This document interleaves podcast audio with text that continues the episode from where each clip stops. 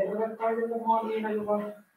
Ja tota, mä puhun tänään aika vapaamuotoisesti ja yritän kattavasti jotenkin selittää mun päivyskirjaa, joka on suhteellisen vaikea tehtävä, mutta ja sitten vielä me ehkä yhdistää sitä vähän semmoisen anarkistiseen perspektiiviin, että se on olennainen kysymys.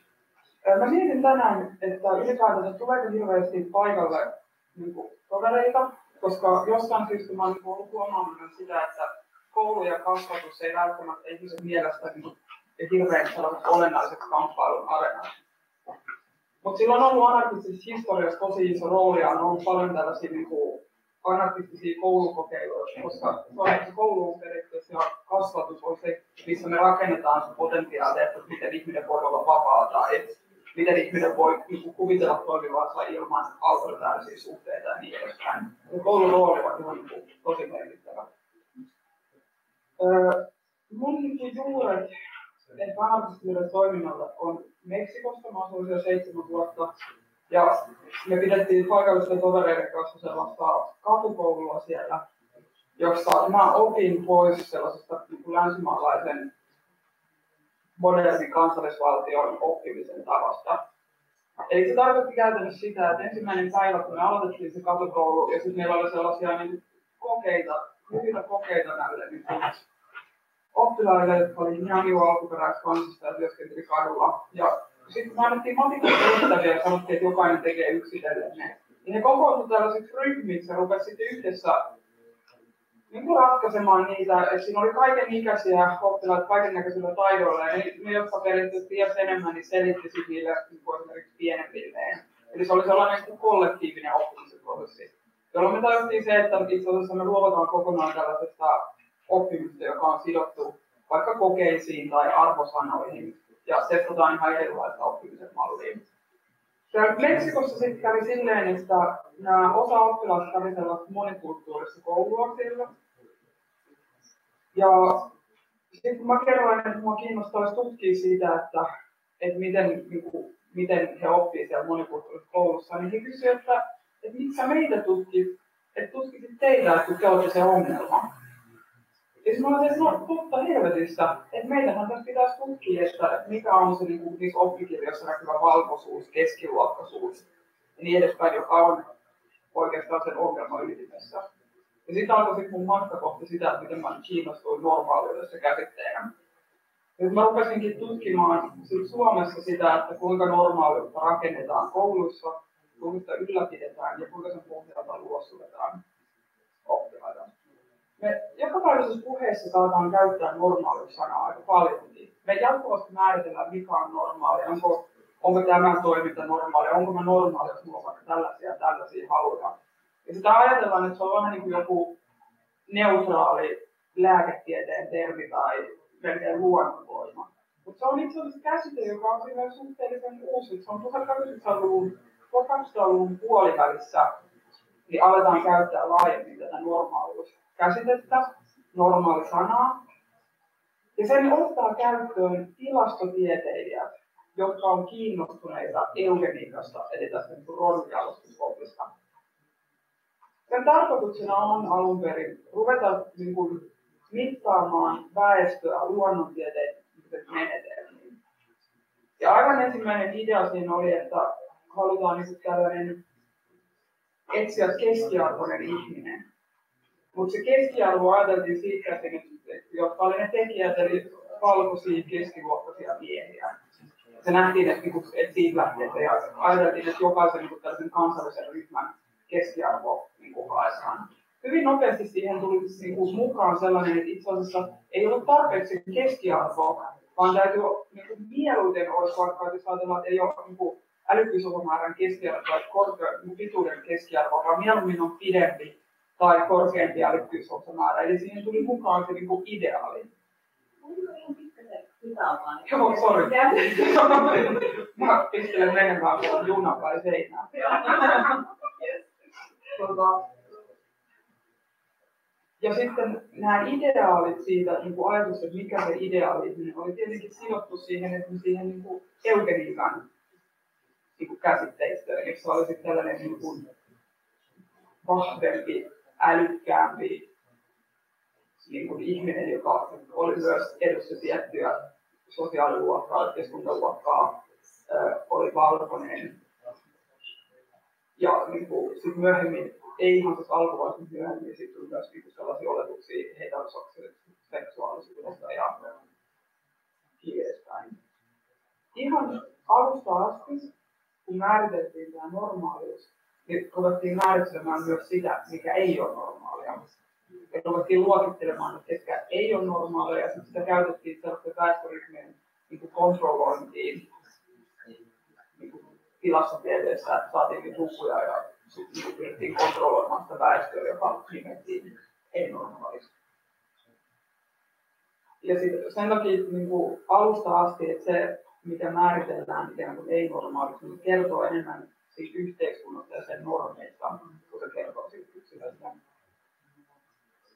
Koululla on ollut tosi keskeinen asema ihan alusta asti se niin normaaliuden ja ei-normaaliuden tuottamisessa ja ylläpidossa. Ihan ensimmäiset koulut, niin se oli ihan niin eksplisiittisesti, niin kuin ihan avoimesti puhuttiin siitä, että tuotetaan niin kuin normaaleja oppilaita. Ja siellä määritellään se, että tuleeko niin se oppilas sopeutumaan yhteiskuntaan vai tuleeko tästä niin mahdollinen ongelma, joka sen pitää periaatteessa yhteiskunnan jollain tavalla hoitaa. Ja sitten koulussahan on, ja tämä on niin kuin tosi tärkeä niin kuin ajatus esimerkiksi anarkistien kannalta, että koulu on se paikka, missä kategorisoidaan niin kuin ihmiset, että miten hyvin ne pärjää kilpailussa muita yksilöitä vastaan ja sen jälkeen ohjataan heidät eri asemiin yhteiskunnassa. Se on todella vahva hierarkioiden luomisen, ylläpidon ja luonnollistamisen paikka. Sanoisin, koulu on niin äärimmäisen tärkeä kamppailun areena. No sitten tässä mun tutkimuksessa, kun mä kysyin sitten koulujen henkilökunnalta ja oppilailta kaikilta muilta, mä olin kahdessa yläkoulussa, me tehtiin vuosi havainnointia ja nyt 31 opet- kouluhenkilökunta haastatteluja, oliko se 48 oppilashaastatteluja ja paljon ryhmähaastattelujen päälle. Nämä perustuvat pääasiassa opettajien haastatteluihin. Ja kun mä kysyin opettajilta normaaliudesta, niin sieltä nousi niin kuin kaksi teemaa. Toinen oli suomalaisuus ja niin tällainen ei-suomalaisuus. Ja toinen oli sitten oikeanlaiset sosiaaliset taidot. Ja sitten kolmantena nousee sitten niin se, että kuka ulle suljettiin periaatteessa sen kiusaamisen kautta siinä koulussa. Ihan ensimmäisenä puhun vähän tästä normaaliudesta ja suomalaisuudesta. Eli meillähän on sellainen aika vahva diskurssi niin suomalaisen koulun tasa-arvosta.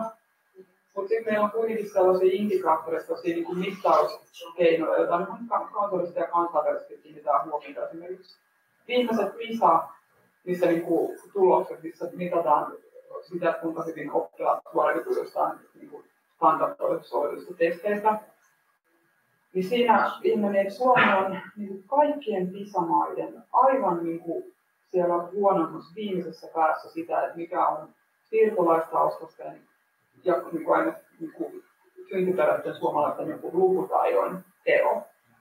Ja se on aika niin kuin massiivinen, että, että miten se voi olla, että kuinka ne on niin pisimpänä toisistaan. Toinen, mikä on, on että meillä tehdään kouluterveyskyselyä ja siinä tuli niin kuin hyvin vahvasti esille se, että siirtolaistaustaiset oppilaat kokee kiusaamista useammin kuin niin sanotut kantasuomalaiset oppilaat. Eli meillä on ihan tällaisia selkeitä niin kuin mittauskeinoja, jotka osoittaa, että meillä on niin kuin, tällaisia potentiaalisia rasistisia rakenteita koulussa. Ja koulu on siis tosi tärkeä osuus, että jos ajatellaan, miten niin kuin ollaan luotu ns. kansa tai kansakunta kansallisvaltiolle, niin koululla on ollut aivan todella tärkeä rooli siitä, että miten se niin kuin kansa ikään kuin rakennetaan ja sitten niin kuin yhteinen kieli tai yhteinen tajunta siitä, että tämä nyt vaikka on suomalaisuus. Ja niin sanotusti suomalaiseksi kouluissa esitetään pääasiassa sellainen henkilö, joka puhuu äidinkielenä suomena, suomea ja on valkoinen. valkoinen. Sitten tätä, niin kun, tätä taustaa vasten onkin kiinnostava, että näissä molemmissa kouluissa koulu tällaisena niin monikulttuurisena, suvaitsevana ja syrjinnästä vapaana ympäristönä ja niin kuin ei-rasistisena ympäristönä. Sanottiin, että koska meillä on niin monia kulttuureja, niin ei tää, niin täällä ei ole rasismia. Ja sitten kun siellä oli niin rasistisia, kuin, oli huutelua tai oli sellaisia ihan niin kuin, tosi isoja konflikteja näissä kouluissa, niin ne sanottiin, että nämä on niin yksilöiden välisiä ongelmia. Että tässä on joku yksilö on pahoittanut mielensä, ja sitä kautta ikään kuin sanottiin, että ei meillä ole niin rasismi, joka on niin kuin rakenteessa. Jolloin ajateltiin, että sit, sit kyse ei ole koulun kulttuurista tai jostain normeista, vaan niin yksilön toiminta ja tunteet ja niin edespäin. Ja sitä kautta sitten pystyttiin siirtämään huomiota pois niistä rakenteellisista ongelmista. Joka on sitten taas kiinnostavaa sinänsä, että vaikka oli ikään kuin yksilöissä kyse, niin sitten jatkuvasti siirtolaistaustaisia oppilaita kuvattiin negatiivisten ominaisuuksien kautta. Yleistäen ja negatiivisten ominaisuuksien kautta. Et oli tyypillistä esimerkiksi esittää, että niin kuin siirtolaistaustaiset oppilaat on riskissä niin kuin syrjäytyä. Hyvänä esimerkkinä on siitä, että käytiin kovaa keskustelua opettajan huoneessa sellaisista niin, niin kuin somalitaustasista tytöistä, että on niin vaara, että he katoaa, että he katoaa vaikka tämmöiseen niin avioliittoon tai johonkin, että, että mitä tehdään tässä näin. Sitten samaan aikaan mä havainnoin siellä luokassa, siellä oli esuriivi täynnä somalitaustisia tyttöjä käsi pystyssä, ei välttämättä saanut niin puheenvuoroa, jotka jatkuvasti niin kuin meni esimerkiksi valkoiselle suomen äidinkielellä puhuville niin poiseen. Ja mä olin siinä, että joo, no tossahan se katoaminen tapahtuu. Mutta ole sitä huomioon. Sitten kun mä haastattelin heitä, niin selvisi, että he haluavat lääkäreiksi ja opettajiksi ja niin edespäin. Ja sitten tutkimuksissa jatkuvasti näytetään, että siirtolaistaustaisia oppilaita esimerkiksi, että jos haluaa lääkäriksi, niin ohjataan vaikka sairaanhoitajan tai niin lähihoitajan opintoihin.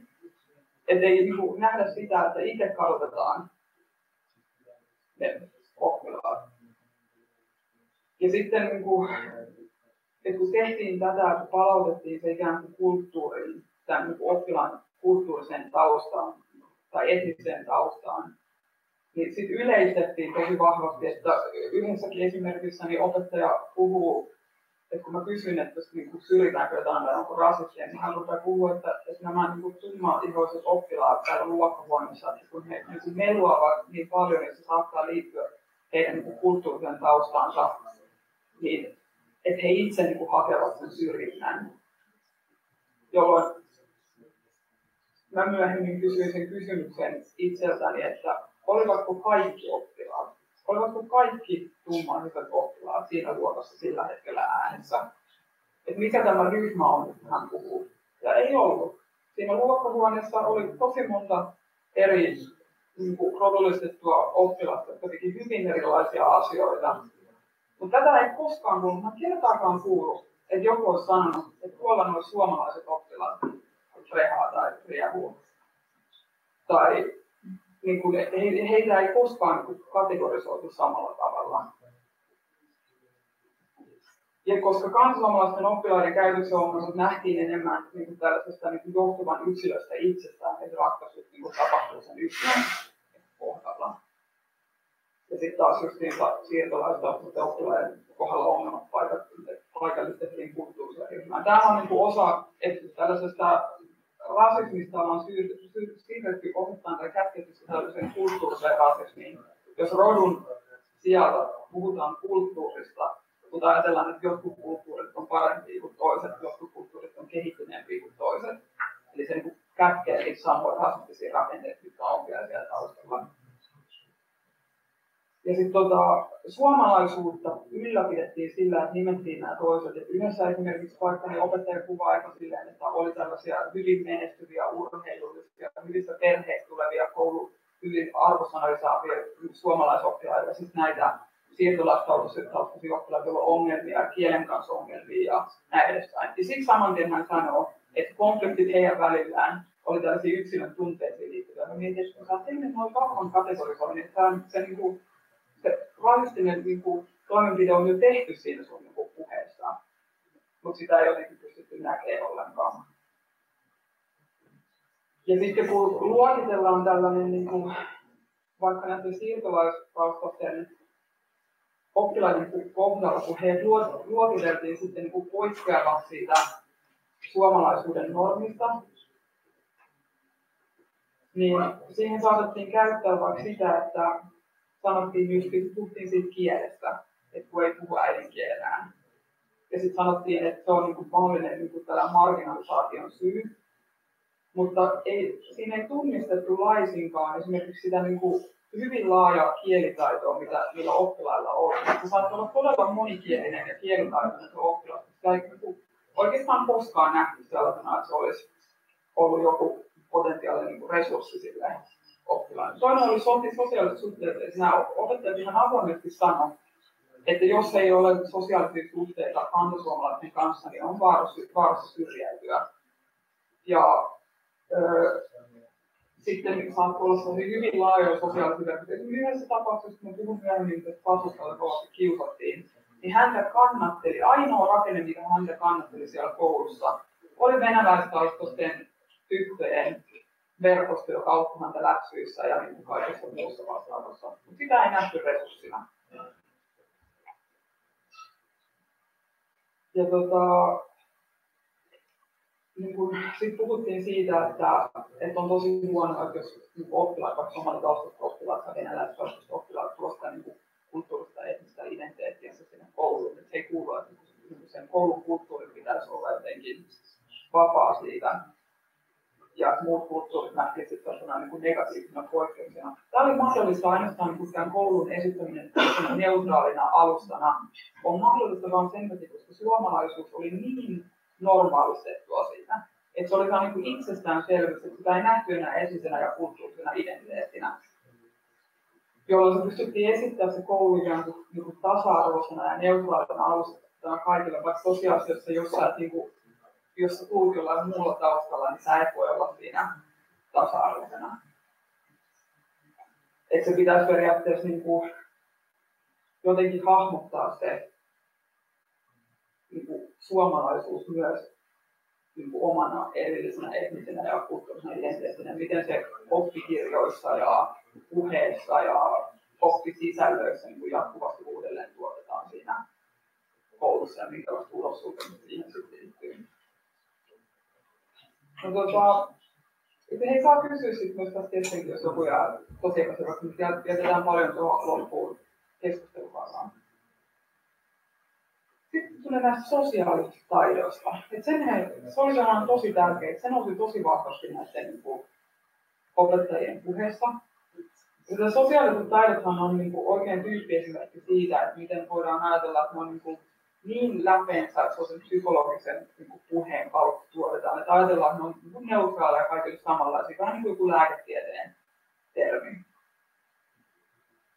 Mutta mä sanoisin mun tutkimuksen kautta, että kyse on itse asiassa siitä, että, että niissä sosiaalisissa taidoissa me voidaan tarkastella sitä, että minkälaisia piirteitä me arvostetaan tässä yhteiskunnassa. No tässä on hivenen tuosta näyttämään. Opettajat siis painotti tosi paljon se, että jotta oppilas voi olla normaali, niin pitää olla oikeanlaiset sosiaaliset taidot. Siihen kuuluu esimerkiksi tosi vahva tällainen niin kuin autonomisuuden tai itsenäisyyden vaatimus. Tämä tarkoitti sitä, että esimerkiksi yhden oppilaan kohdalla, jota kiusattiin ihan hirveän paljon, ja tämä oppilas ei tota, pystynyt, aina kun oli poissa, niin piti pyytää esimerkiksi niin kuin muilta oppilailta, että voisiko kertoa nämä läksyt. Että sitä ei välttämättä ollut siellä Vilmassa vielä. Niin sitten tämä opettaja odotti, että tämä oppilaan täytyy olla yhteydessä niihin oppilaihin, jotka kiusaa häntä.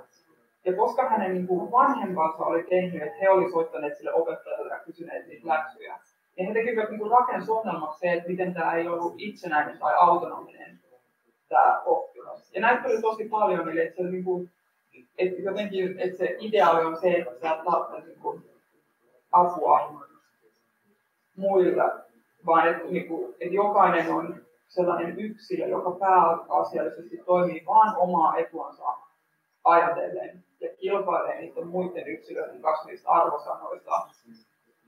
Ja tietyllä tavalla sopeutuu sitten myöhemmin myöhempään kilpailuun, joka tulee sitten, onko se työelämässä tai ylipäätänsä niin ja kuuluen ollaan, niin niin markkinatalouteen.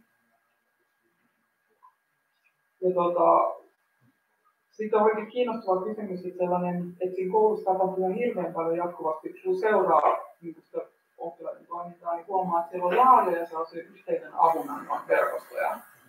Tosi solidaarisia verkostoja, missä nämä oppilaat auttaa toisiansa. Nämä ei noussut esiin sosiaalisena, niin oikeanlaisena sosiaalisena taitona. Et ainoa, missä se niin yhteistyö nähti jonkun verran, on opetustilassa, tilanteessa, ja niin suhteessa siihen opettajaan ja suhteessa siihen, mitä täytyy oppia. Ja sitten tota, tähän tosi niin tällaiseen eristäytyneen yksilön, joka niin kilpailee muita yksilöitä vastaan, niin siinä niin oli ajatus myös, että sen täytyy olla kykeneväinen niin kuin korjaamaan itsistä omaa käytöstään koko ajan, jotta se saisi niin pysyä kiinni siinä normaaliudessa. Että, niin kuin, samaan aikaan olla täysin erillinen yksilö, mutta käyttäytyy samalla lailla kuin muut. Että sulla on että et sä vaan niin hallinnoit itsensä, että kukaan ei niin kuin, pakota sua välttämättä enää ulkopuolelle, mutta sun on pysyttävä kuitenkin siinä samassa muodissa kuin, kuin muut. Ja sitten tota, että jos ei kykene tähän, niin, niin ajateltiin, että on aika iso riski syrjäytyä yhteiskunnasta, jos ei kykene ottamaan näitä sosiaalisia taitoja. Ja siihen kuuluu myös sellainen moni tunnistaa itsensä niin sosiaalisen taitona just näiden rajojen tietämisessä, että sun pitää olla koko ajan kyvykäs niin kertomaan aikuisille kaikki, mitä ne haluaa kysyä susta. Ne saattaa olla aika kysymyksiä jossain niin kouluvuorossa, että täytyy kertoa vaikka tunteista tai jotkut oppilaat puhuu siitä mulla aika paljon, että he ei haluaisi kertoa itsestään niin paljon. Mutta se oli vähän niin kuin pakko kertoa. Ja sitten samaan aikaan nämä opettajat sanoivat, että jotkut oppilaat ei kykene niin kuin hahmottamaan, että he kertoo liikaa sellaisia asioita, ja he ei opettajina halua niin kuin liian henkilökohtaista suhdetta, jolloin näille oppilailla ei jää ihan hirveästi tilaa siihen niin kuin määrittää itse sitä, kuinka paljon ne kertoo ja, ja, ja sitten kuitenkin itse tosi taitavia tietämään, että missä tilanteessa ne voi kertoa mitäkin.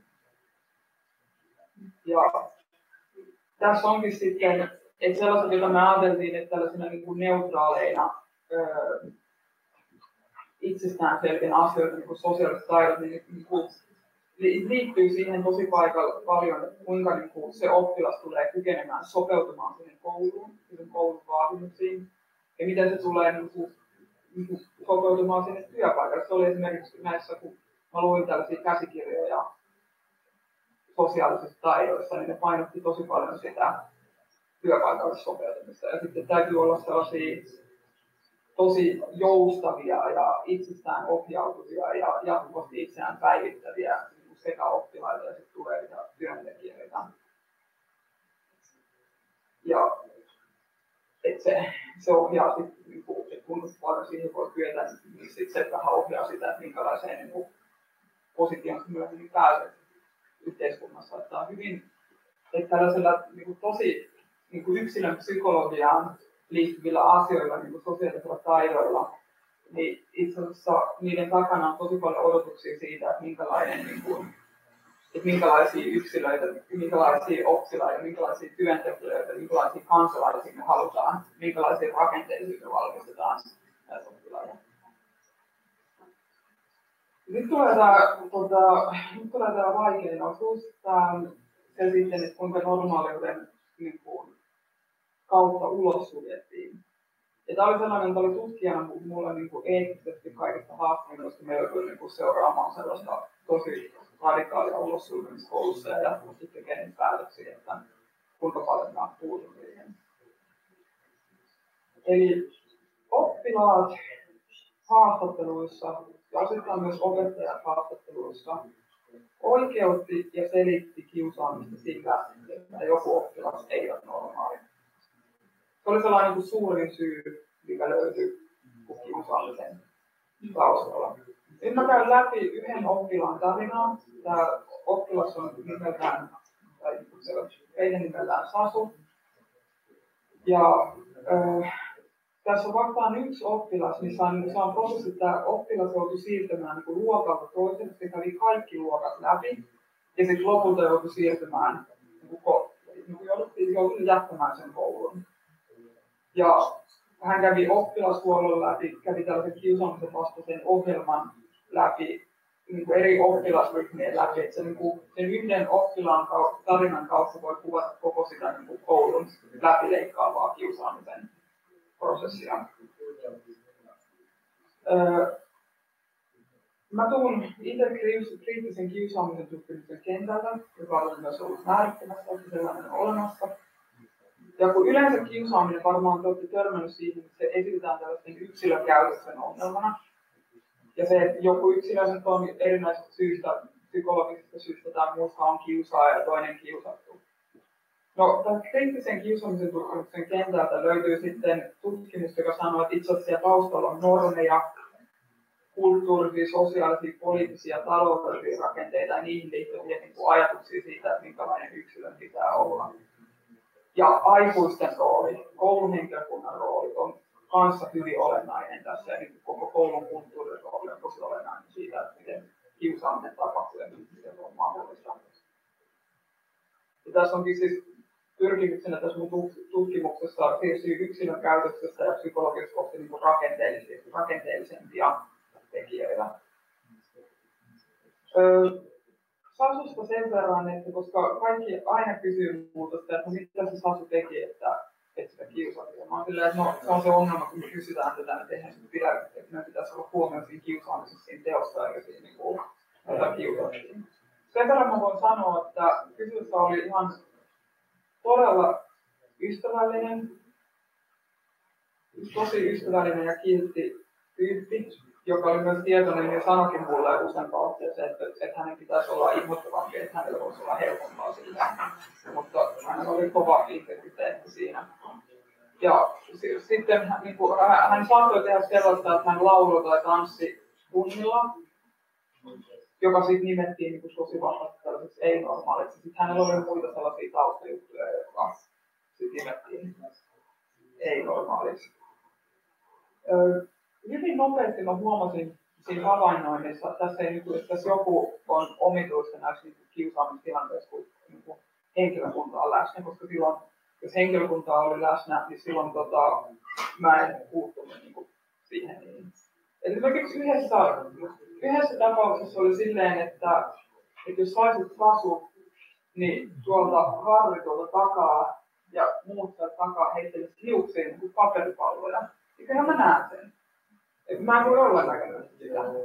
Mutta sen sijaan, että mä puuttuisin, niin mä sanoisin sulle, että onko sulla leveät hartiat, mä en näe, miten, mitä siellä takana tapahtuu. Ja saisit teini-ikäinen tyttö, joka olisi ihan tosi lailla siitä, että sanotaan leveät hartiat, koska hän liikkuu pituudessa ja muusta kärsii. Ja se heittely jatkuu koko, koko tunnin ajan ja hiukset on ihan täynnä paperipalloja. Ja sen tunnin jälkeen niin ne, jotka heittelivät, lähtee ongelmista ruokasta ja kuka sen niin kuin nostaa sen ongelman kamille, oli niin kuin sellainen tyttö, joka tuli sanomaan, että heitä ei voi mennä näin. Jolloin opettaja lähinnä oli niin kuin, kovin häpeistä niin kuin muuhun nähden. Mutta mä sitten mun oli pakko poistua tilanteesta, että mä en tiedä mitä seurasi, mutta ainakin mun nähden niin ei seurannut mitään siitä. Toinen tilanne oli sellainen, että oltiin käytävässä ja Sasu tulee itkien portaita alas ja niin kuin menee pakkaseen ulos ilman paitaa takkiin. Ja niin kuin ilmeisesti hänen niin kuin kännykkäänsä oltiin jotenkin heitetty sinne kinokseen. Ja se välituntivalvoja sen sijaan, että hän menisi auttamaan sitä hätääntynyttä lasta, niin tulee mun eteen seisomaan silleen, että mä en näe, mitä tapahtuu. Ja näitä esimerkkejä oli niin kuin paljon, että jostain syystä niin tota, opettajat ei välttämättä puuttuneet siihen. Ja sitten alkoi selviämään sitä, että, että niin kuin opettajilla oli tällaisia negatiivisia käsityksiä hänestä, esimerkiksi puhuttiin siitä, että hän ei käyttänyt normaalisti. Sitten oli sellainen ajatus, että hän on tällainen niin kuin, tosi ei avarakatseinen, että, että hän olisi homofobinen, kun hän oli joutunut yhdellä tunnilla sanoa, että uskonnollisesta taustastaan riippuen, niin johtuen, niin hän ei pysty näkemään tällaista niin kuin, homoseksuaalisuuteen liittyvää materiaalia. Mutta sitten muuten, kun häntä kiusattiin, että hän on homo, niin hän sanoi, että ei se häntä, että hänellä ei ole mitään niin kuin, vastaan. Eli kyse oli enemmän siitä, että hänellä on ollut sellainen paine ehkä niin olisiko sitten kotoa päin, niin opettajan olisi pitänyt olla siinä kohtaa niin kysyä, että no, eikö jutellaanko tästä, mutta sitten hän, niin kuin hänet nolattiin siinä luokkahuoneessa niin kuin tähän aiheeseen siitä. Hänestä jatkuvasti rakennettiin tuossa narratiivia, että hän ei ole normaali. Ja se, niin se tapa muuttui jollain tavalla se kiusaaminen niin näkymättömäksi. Se oli, se oli massiivista. Hänet ulossuljettiin kaikista ryhmissä järjestelmällisesti. Hän kiusattiin niin netissä ja niin kuin, ihan jatkuvasti kaikissa muodoissa niin kuin koko sitä koulua pitkin. Mutta jostain syystä tuntui siltä, että nämä opettajat ei olisi ikään kuin, niin kuin tunnistaneet häntä kiusaamisen yhteydestä.